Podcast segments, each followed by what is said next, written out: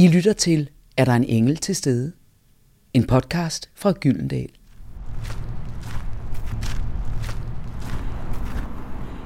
Jeg står her midt i København foran Statens Museum for Kunst. Kunstens hellige haller. Det er en dejlig solskinsdag. Har meget stille, har ikke særlig mange mennesker. Og jeg tror, de fleste af jer kender bygningen. Korintiske søjler står bestandt. Statens Museum for Kunst med trapper op. Og øh, jeg har sat øh, kunsthistorikeren Ben Scavenius i, i stævne. Fordi nu har vi jo mødt forskellige mennesker, der har haft forskellige spirituelle oplevelser. Vi prøver ligesom at afdække, eller jeg prøver at afdække, hvad spiritualitet er. Og jeg er jo skuespiller, så jeg er jo også meget nysgerrig på, hvordan spiritualiteten kommer til udtryk i kunsten. Nu er det så mere malerkunst og skulptur, jeg skal tale med Bente om. Men hvordan kommer det til udtryk? Er det udelukkende konkret? Kan man se, når tingene er, er åndfulde? Kan man se, noget, hvis kunstneren har været inspireret? Hvad er inspiration? Er det Guds velsignelse? Eller er det bare et tilfælde? Eller er der nogen forklaring på det? Er der noget, man kan se? Er der noget, man kan gå efter? Eller kan man male det, det åndfulde, det guddommelige frem? Uden at det bare er en altertavle? Det glæder jeg mig til at tale med Bente om.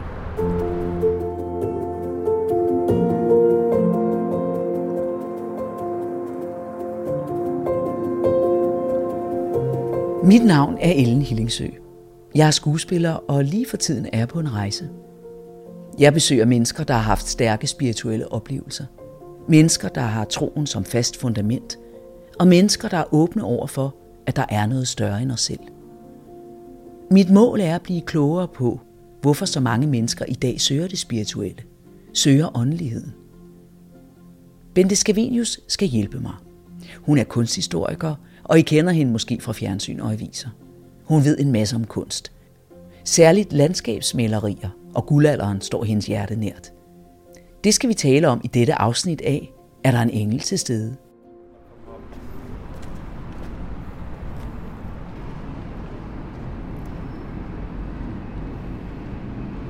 Hej Bente. Dejligt at se dig. Hvorfor ser du godt ud? Det kan du da selv. Wow. Ja. Kom nærmere. Kom indenfor. Ja. Tak. Eh? Vi har vores klistermærker på. Jeg har det hele her. Ja. Jeg har jo inviteret dig til at, at komme og, og tale lidt med mig om, lære mig lidt øh, øh, om det spirituelle. Det her det er jo en rejse, hvor vi prøver mm. at afdække spiritualitet. Mm. Og selvfølgelig skal vi jo også afdække, eller jeg afdække, eller vi afdække sammen, spiritualiteten i, i kunsten. Det åndelige. Det åndelige. Ja. ja. Ja, det kan jeg bedst lide at kalde det. Hvorfor? Jo, fordi der er sådan en anden dimension i det, det spirituelle, der man måske ligesom forventer et eller andet øh, ja, spirituelt. Hvorimod det åndelige, det er et begreb, som er svært at indkredse, men måske hvis man analyserer, kan man se, øh, at øh, den åndelige dimension er en del af et maleri. I for eksempel den romantiske øh, landskabsmaleri, eller i symbolismen. Så, så, så din definition åbner det mere op? Det du føler, jeg, det, det det, det Ja. lukker, det, det klapser Ja, det mere i? ja. Mm. Men tror du ikke, at det er Altså, den symptomatisk? står for egen regning. Jamen 100. Ja, ja. Nå jo, altså. Altså. men det gør det hele jo. Ja. Men alt er jo et oversættelsesarbejde, Ja, ikke? ja. Så at du kalder det en ting. Ja. Jeg har talt med nogen, der kalder det spiritualitet, mm, nogen, der kalder det noget andet. Det synes jeg jo også er interessant Ja, for det enkelte ja, menneske, ja. at det faktisk er et oversættelsesarbejde, vi skal gøre som Netop, mennesker. Og et analytisk arbejde, ikke? Altså, det er, hvor meget du lægger i det, ikke? Fordi du kan jo også overfortolke et værk, ikke? Mm. Der er mange, altså jeg kender mange, der har, øh, hvad skal man sige, ligesom en anden indsigt, og måske kan se langt mere i et værk, end for eksempel en kunsthistoriker, som jo er meget formel en gang imellem i analysen, ikke? Øh, Så det er alt efter ens baggrund, hvad man ser i et maleri. Men når man analyserer, er det ikke altid ud fra den, man er. Altså når jeg Jo, skal, når jeg skal fortolke en rolle, Ja, er det jo ja, altid ja. med min baggrund og Netop, med, netop. med min Præcis, åndfuldhed eller præcis, mangel på præcis, sammen eller spiritualitet. Præcis, altså vi har alle vores bagage, ikke? Altså jeg ser på et maleri helt anderledes, end hvis du fandt en, øh, en der havde en håndværkeruddannelse, eller en teenage, eller øh, en, der sad på et plejehjem. Eller, altså vi har alle vores bagage, som gør, at vi ser nogle ting og oplever nogle ting, og kan identificere os med nogle ting. Skal vi øh, gå op i malerisamlingen? ja. Øh, er, der, er der noget specielt, du synes, vi skal kaste et blik på? Ja. Ja, jeg vil jo helst have, at vi begynder med uh, guldalderen og det romantiske landskabsmaleri. Så lad os gøre det.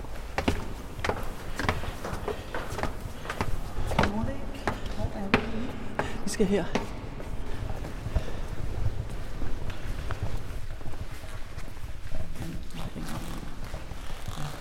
Det er I.C. Dahl. I.C. Dahl kan vi jo godt tale om, for han har jo også det religiøse i sig, øh, og bliver jo meget påvirket af øh, den øh, tyske maler Caspar David Friedrich. Mm. Fordi efter han er holdt op på Kunstakademiet i København, så tager han jo til Tyskland, flytter ind i samme hus som, som Caspar David Friedrich i Dresden, og bliver meget øh, påvirket, eller de påvirker hinanden, ikke? fordi øh, I.C. Dahl er sandelig også en stor maler. Men det, øh, som er så karakteristisk for I.C. Øh, Dahls, altså både for I.C. Dahl og Caspar David Friedrich, det er jo netop religiøsiteten. Du ser jo meget, meget ofte et kors i landskabet. Eller øh, ja, det, ja, det er nu et skib, der er, det er ved, ikke? Men, et skib, men, der er ved at synke, man ser, det er en solnedgang. Det er symbolik, ikke? Ja. I og med, at øh, masten har karakter af et kors, ikke? Ja, vi, ser, vi står foran et maleri her, hvor bølgerne skummer, det er en solnedgang, og man kan se, der er et skib, der har forlist, det er gået til bunds, og det eneste, der stikker op, det er som sagt en mast. Det ligner, der ligner et kors mod solnedgangen. Og så kan du jo også se den himmel, Prøv at se, Ellen. Altså himlen, ikke? Altså den måde, du har det oprørte hav i forgrunden, og så har du selvfølgelig den øh, også oprørte himmel, men så lyset bagved, ikke? Det bagvedliggende lys, der på en eller anden måde giver den der øh, åndelighed øh, ind i værket, ikke? som gør, at øh, der er en tro på noget evigt. Ikke? Det er ikke bare et spørgsmål om at drukne og forsvinde i bølgerne. Du indgår i en evighed. Og det synes jeg meget fint kommer til udtryk netop her, hvor du har den der, øh, det der ly, den der lysende baggrund. Men det kan man jo også mærke, når man kører, kører i bil eller øh, går et eller andet sted, mm. og der, øh, det har været dårligt vejr, og pludselig så lyser det op, så man jo, vi er jo blevet opdraget gennem de malerier og billeder, vi har set, så ligner det næsten et åbenbaringslys. Netop, netop, ikke? Og det er i, i guldalderen, fordi der, eller guldalderen, det er jo romantikken. Øh, vi har vores guldalder, men andre lande har jo deres guldalder. Vores er jo det, den første halvdelen af, af 1800-tallet. Og der har det jo netop øh, indskrevet i det ideale landskab, denne her, øh, hvad skal man sige, religiøsitet eller, eller men man kan også sige, når vi står her foran øh, Dals synkende skud, om man så må ja. sige, så kan vi jo også se, at motivet viser os, at vi er underlagt noget større. Altså, ja, det, det kommer vel også et, et overordnet ja, tema, der ja, vil også forandre. Ja, absolut, absolut. Og det er jo det større, øh, som man kan give et, et visuelt udtryk alt efter øh, ens indsigt, ikke? altså alt efter, hvad du ligesom havde af viden og tro osv. Så det, man kan sige, måden det større bliver beskrevet på, er på en måde selvfølgelig i guldalderen. Og hvad er det så, der gør, at den, den forandring af beskrivelsen af det større forsvinder? Hvad er det så, der sker? Ja, det kommer jo med, øh, altså så kommer det, der hedder det moderne gennembrud. Mm. Og det moderne gennembrud kommer i Danmark omkring øh, 1880. Det kommer lidt før i Frankrig, øh, fordi der får du det, der hedder ja, realismen, realismen ikke? Øh, hvor øh, du ikke alene skal skildre virkeligheden øh, i overensstemmelse med virkeligheden, men du skal også lægge øh, nogle betydningslag ned, sådan så du har øh, udviser et socialt engagement. Ikke? Altså, øh, og der kommer jo med hele, hvad skal man sige, den periode øh, øh, samfundssind, at du analyserer jo samfundet på en helt anden måde. Det gør de jo stort set ikke Nej. i guldalderen.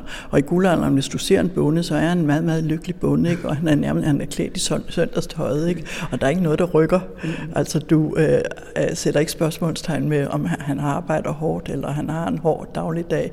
Øh, han øh, indskrives igen, altså bunden i guldalderen er jo også, det er jo det oprindelige, det ægte, det naturtro. Ikke? Så det er jo alt det, der er forbundet med øh, Øh, det, det, øh, de grundlæggende værdier. Ikke? Sådan illustrerer du bunden i øh, guldalderen. Hvorimod når du når op i naturalismen, så er bunden jo en, som simpelthen bare er udslidt og fattig og står jo øh, simpelthen med det ene fod i graven, ikke? og så man øh, tænker på de otte børn, der sidder derhjemme. Og, øh, altså hele det sociale aspekt, det er jo en meget væsentlig del af øh, naturalismen. Så det større forsvinder til fordel for ideologi. Ja, og det gør det jo også rent øh, filosofisk, ja. hvis du kan sige det på den måde, fordi øh, Gud bliver jo dømt ude, ikke? Altså, det ved vi jo fra Nietzsche.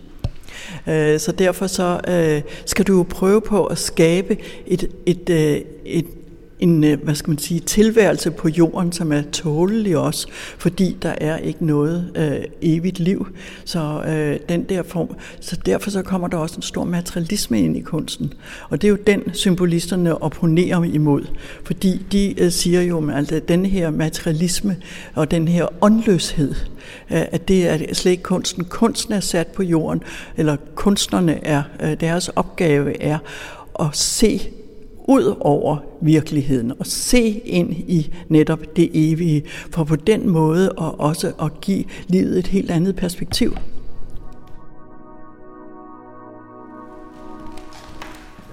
Jeg synes, nu har vi talt så meget om guldalderen, ja. og jeg synes faktisk, at øh, det er passende at gå ind til naturalisterne og symbolisterne, fordi der sker noget nyt, og det er ret interessant. Lad os gøre det. Ja.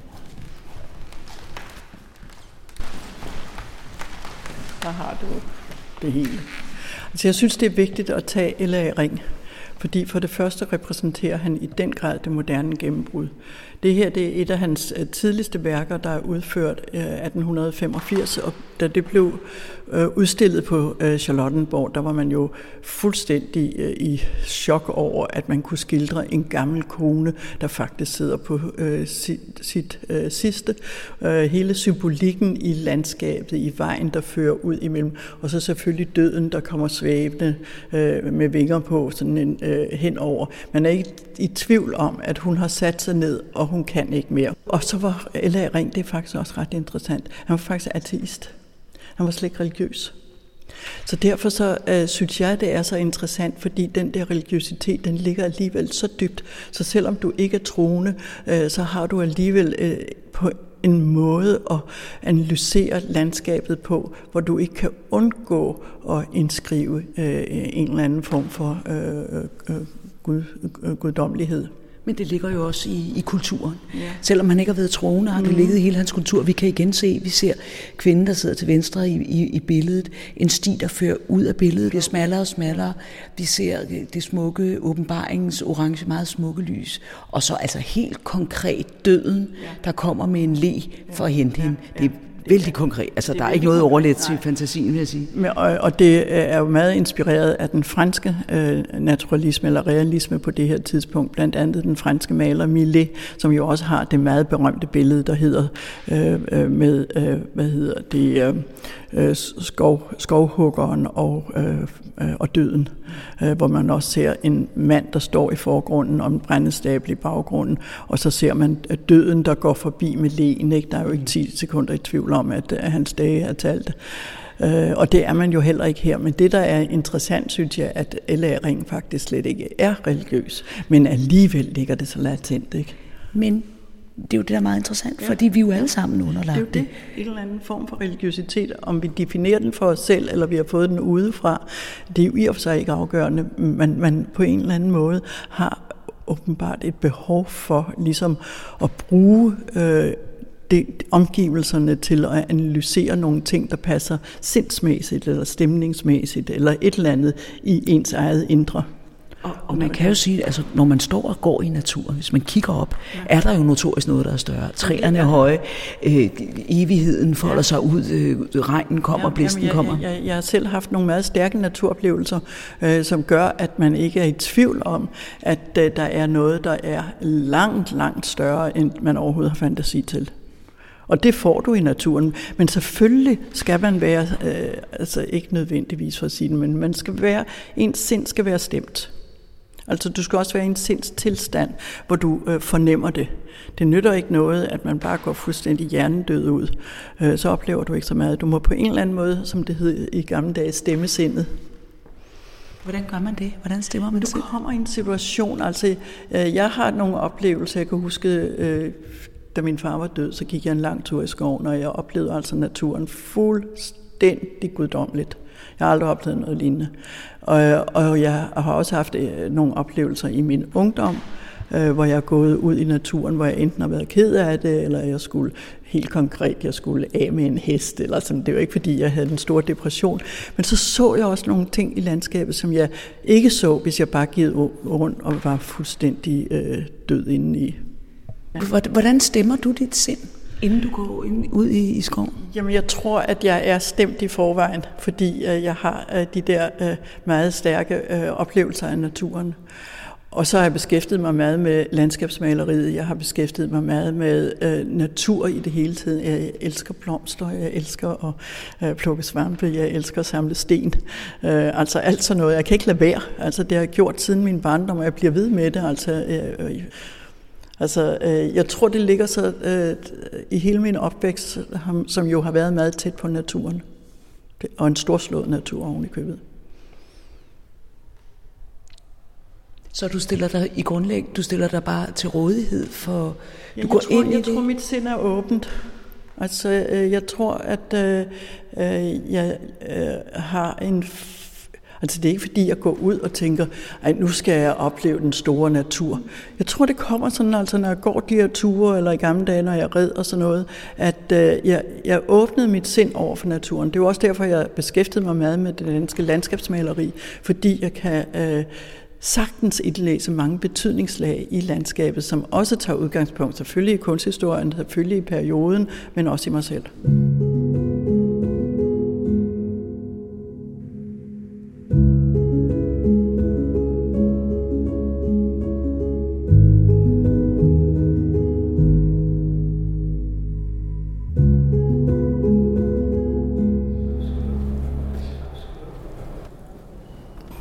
Nå Bente, nu skal vi have os en kop kaffe, og vi sidder her i kantinen. Altså når du går ud i naturen for eksempel, så har du stemt din sjæl. Kan du, hvordan stemmer man sin sjæl? Jeg vil ikke sige, at jeg har stemt den på forhånd, men jeg bliver stemt af at gå ud i naturen, fordi jeg øh, har oplevet naturen på alle tænkelige årsteder, i alle mulige sammenhæng. Og hver gang, der øh, må jeg indrømme, at øh, jeg føler på en måde, at øh, når jeg er i naturen, at så sker der et eller andet inde i mig, som gør, at jeg oplever alting meget intenst. Oplever du det, når du står foran kunst? Ja. Det der sug i maven, hvor man, øh, altså god kunst. Og hvad, for, god kunst. Ja, men, ja. og som vi, vi taler op oppe i salen, god kunst er der mange lag i. Men, men er, der, er der nogle ting, der, der giver dig et sug i maven mere end andre. Kan du mærke det med det samme, når du ser noget, der er godt? Ja, det kan jeg. Øh, og jeg, selvfølgelig, og det, det ærgerlige ved at blive gammel, at man har set så meget, øh, og man er, kan godt en gang imellem være lidt svær at rykke, når man går rundt på et museum. Altså, jeg går meget ofte rundt med det her panoramablik på, ikke? men pludselig, når jeg ser noget, så kan jeg få den der aha-oplevelse igen. Ikke? At det her, det er større, end jeg overhovedet havde forestillet mig. Øh, men mange gange går man jo lidt bevidstløst rundt, fordi så skal man lige se et eller andet, man har set. Og det synes jeg, øh, at, at i sådan nogle sammenhænge, der får du jo ikke den der aha-oplevelse. Du skal ligesom øh, indstille dig på at opleve noget nyt, og det gør du jo meget ofte, hvis du går på for eksempel et museum, du ikke har været på før.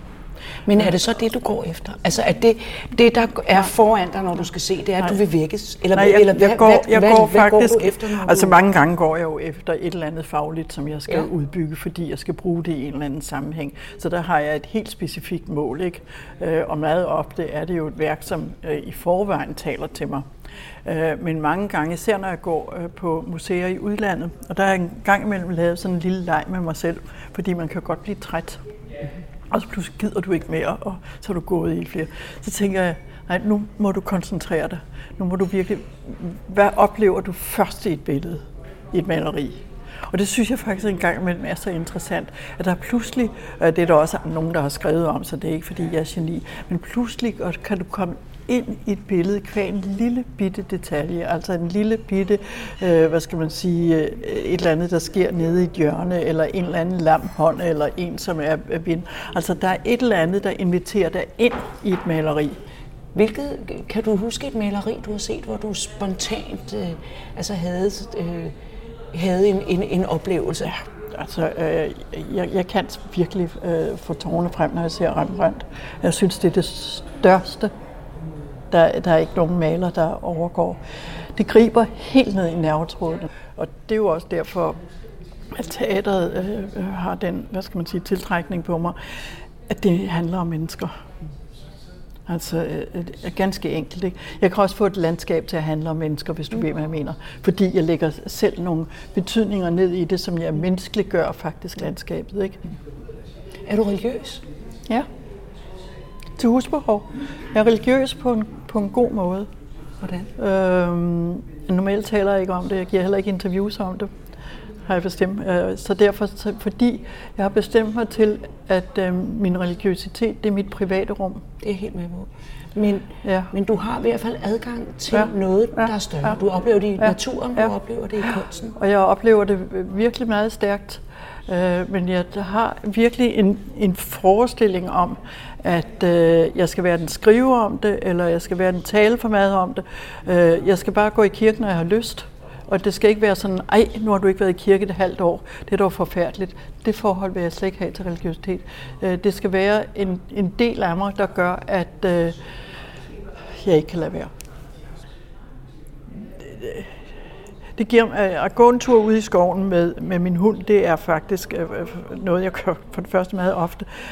Men jeg føler, en, jeg føler, at jeg er en del af noget større faktisk. Jeg føler faktisk, at jeg kan indskrive mig selv i et, alt efter temperament, et, et univers. Altså når jeg går i skoven, jeg elsker at gå i skoven. Men jeg elsker øh, i det hele taget, øh, altså på alle årstider. Jeg går meget i skoven. Og jeg føler virkelig, at, øh, at jeg er en del af noget større. Det er ikke bare noget, jeg siger. det var i virkeligheden grundlæggende det, jeg mente med at være religiøs. Ja. Altså, ja. at det ikke er sådan dogmatik, ja. men... Ja.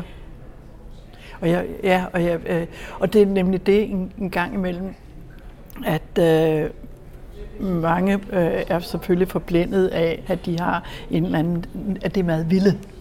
Altså deres oplevelse af naturen er meget vilde. Og der har jeg øh, ved at våge at påstå, i og med at jeg har haft naturen så tæt på i hele min opvækst, at øh, jeg går ikke ud i naturen, fordi jeg vil opleve et eller andet. Jo, selvfølgelig, hvis jeg vil, jeg vil gerne finde nogle svampe, selvfølgelig. Og det ærger mig, selvfølgelig. Ikke? Og det ærger mig, hvis jeg kommer hjem uden nogen. Ikke? Men ellers så øh, går jeg ikke ud på den måde, at øh, nu skal jeg ud, og nu skal jeg nyde det, eller sådan noget. Men jeg, jeg går, fordi jeg kan ikke lade være, og så synes jeg, at øh, hver gang jeg har øh, en af de der, så kender jeg jo naturen meget, mm. meget godt nede på øh, Østmøn. Øh, så derfor så øh, har jeg jo gået de samme ture om og om igen, ikke? og haft meget forskellige oplevelser. Og så som barn red jeg jo rigtig meget, og jeg, Klinteskoven er meget stor. Jeg red alene øh, øh, fordi jeg havde ikke nogen ride med. Øh, så derfor så øh, var jeg jo øh, alene i naturen. Det lyder dumt, ikke? men altså, jeg, jeg kan godt lide at være alene i naturen, sådan vil jeg sige. Det vil jeg godt lide, den der så stor... Nu må du regne med, at jeg har en natur nede på Møn, som er større end noget andet i dette land. Det skulle lige være måske Roldskov eller Silkeborgsøerne. Altså, den er meget, meget dramatisk, øh, klinteskovene. Altså virkelig med klinten og med... Øh, jamen, det er, det er jo urskov noget af det, og meget stor sammenhængende skov. Øh, plus at øh, du har jo den, øh, den den der råhed fra Østersøen, ikke? og havet, der bulrer ind. Og, øh, altså, du, det er en meget, meget stærk natur.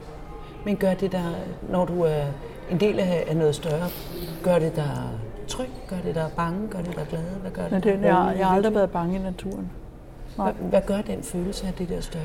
Nej, den, den, øh, nej, den øh, gør, at jeg, øh, jamen, jeg er et meget enkelt menneske. Jeg er ikke sådan særlig højstemt, så øh, de oplevelser, jeg har, det er ikke nogen, jeg på nogen måde har øh, ligesom ville opleve. At øh, det, det kommer, øh, når situationen er der, stemningen er der, årstiden er der, lyset er der. Alt, hele det samspil i naturen, så føler jeg pludselig, at jeg er en del af det hele.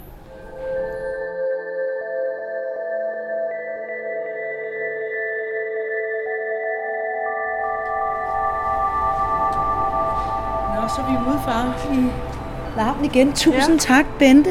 Fjernt fra det danske landskabsmaleri. Ja. ja.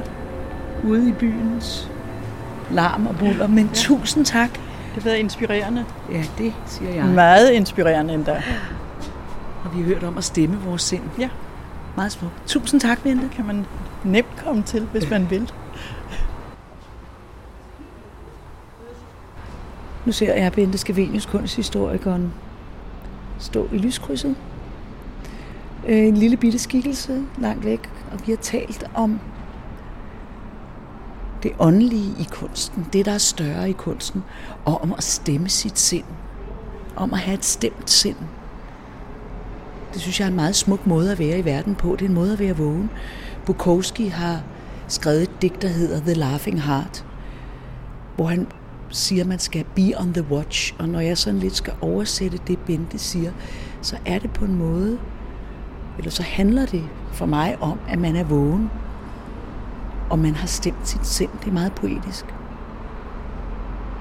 Det er altid inspirerende at tale med, med mennesker, som har en høj faglighed, synes jeg. Ben Scavenius har en utrolig høj faglighed, dygtig kunsthistoriker. Og jeg synes, at jeg blev klogere på, at man kan opleve naturen næsten som et maleri. Og det gør Bente, når hun går rundt ude i naturen, så kan hun se naturen næsten som det var et maleri.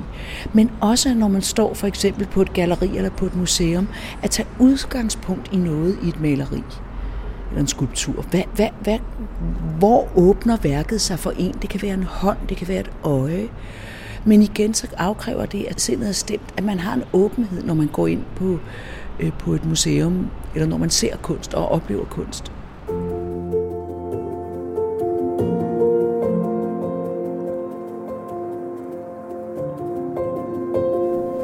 Bente har gjort mig endnu mere nysgerrig.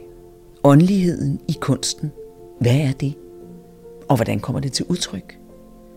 Mit næste møde handler også om kunst og åndelighed. Ikke malerkunst, men skuespillets kunst. Jeg har fået lov til at besøge Ture Lindhardt, en præstesøn, der ikke er troende, men han læser Bibelen. Lyt med i næste episode af Er der en engel til stede? Mit navn er Ellen Hillingsø, og I har netop lyttet til et afsnit af Er der en engel til stede? En podcastserie fra Gyldendal.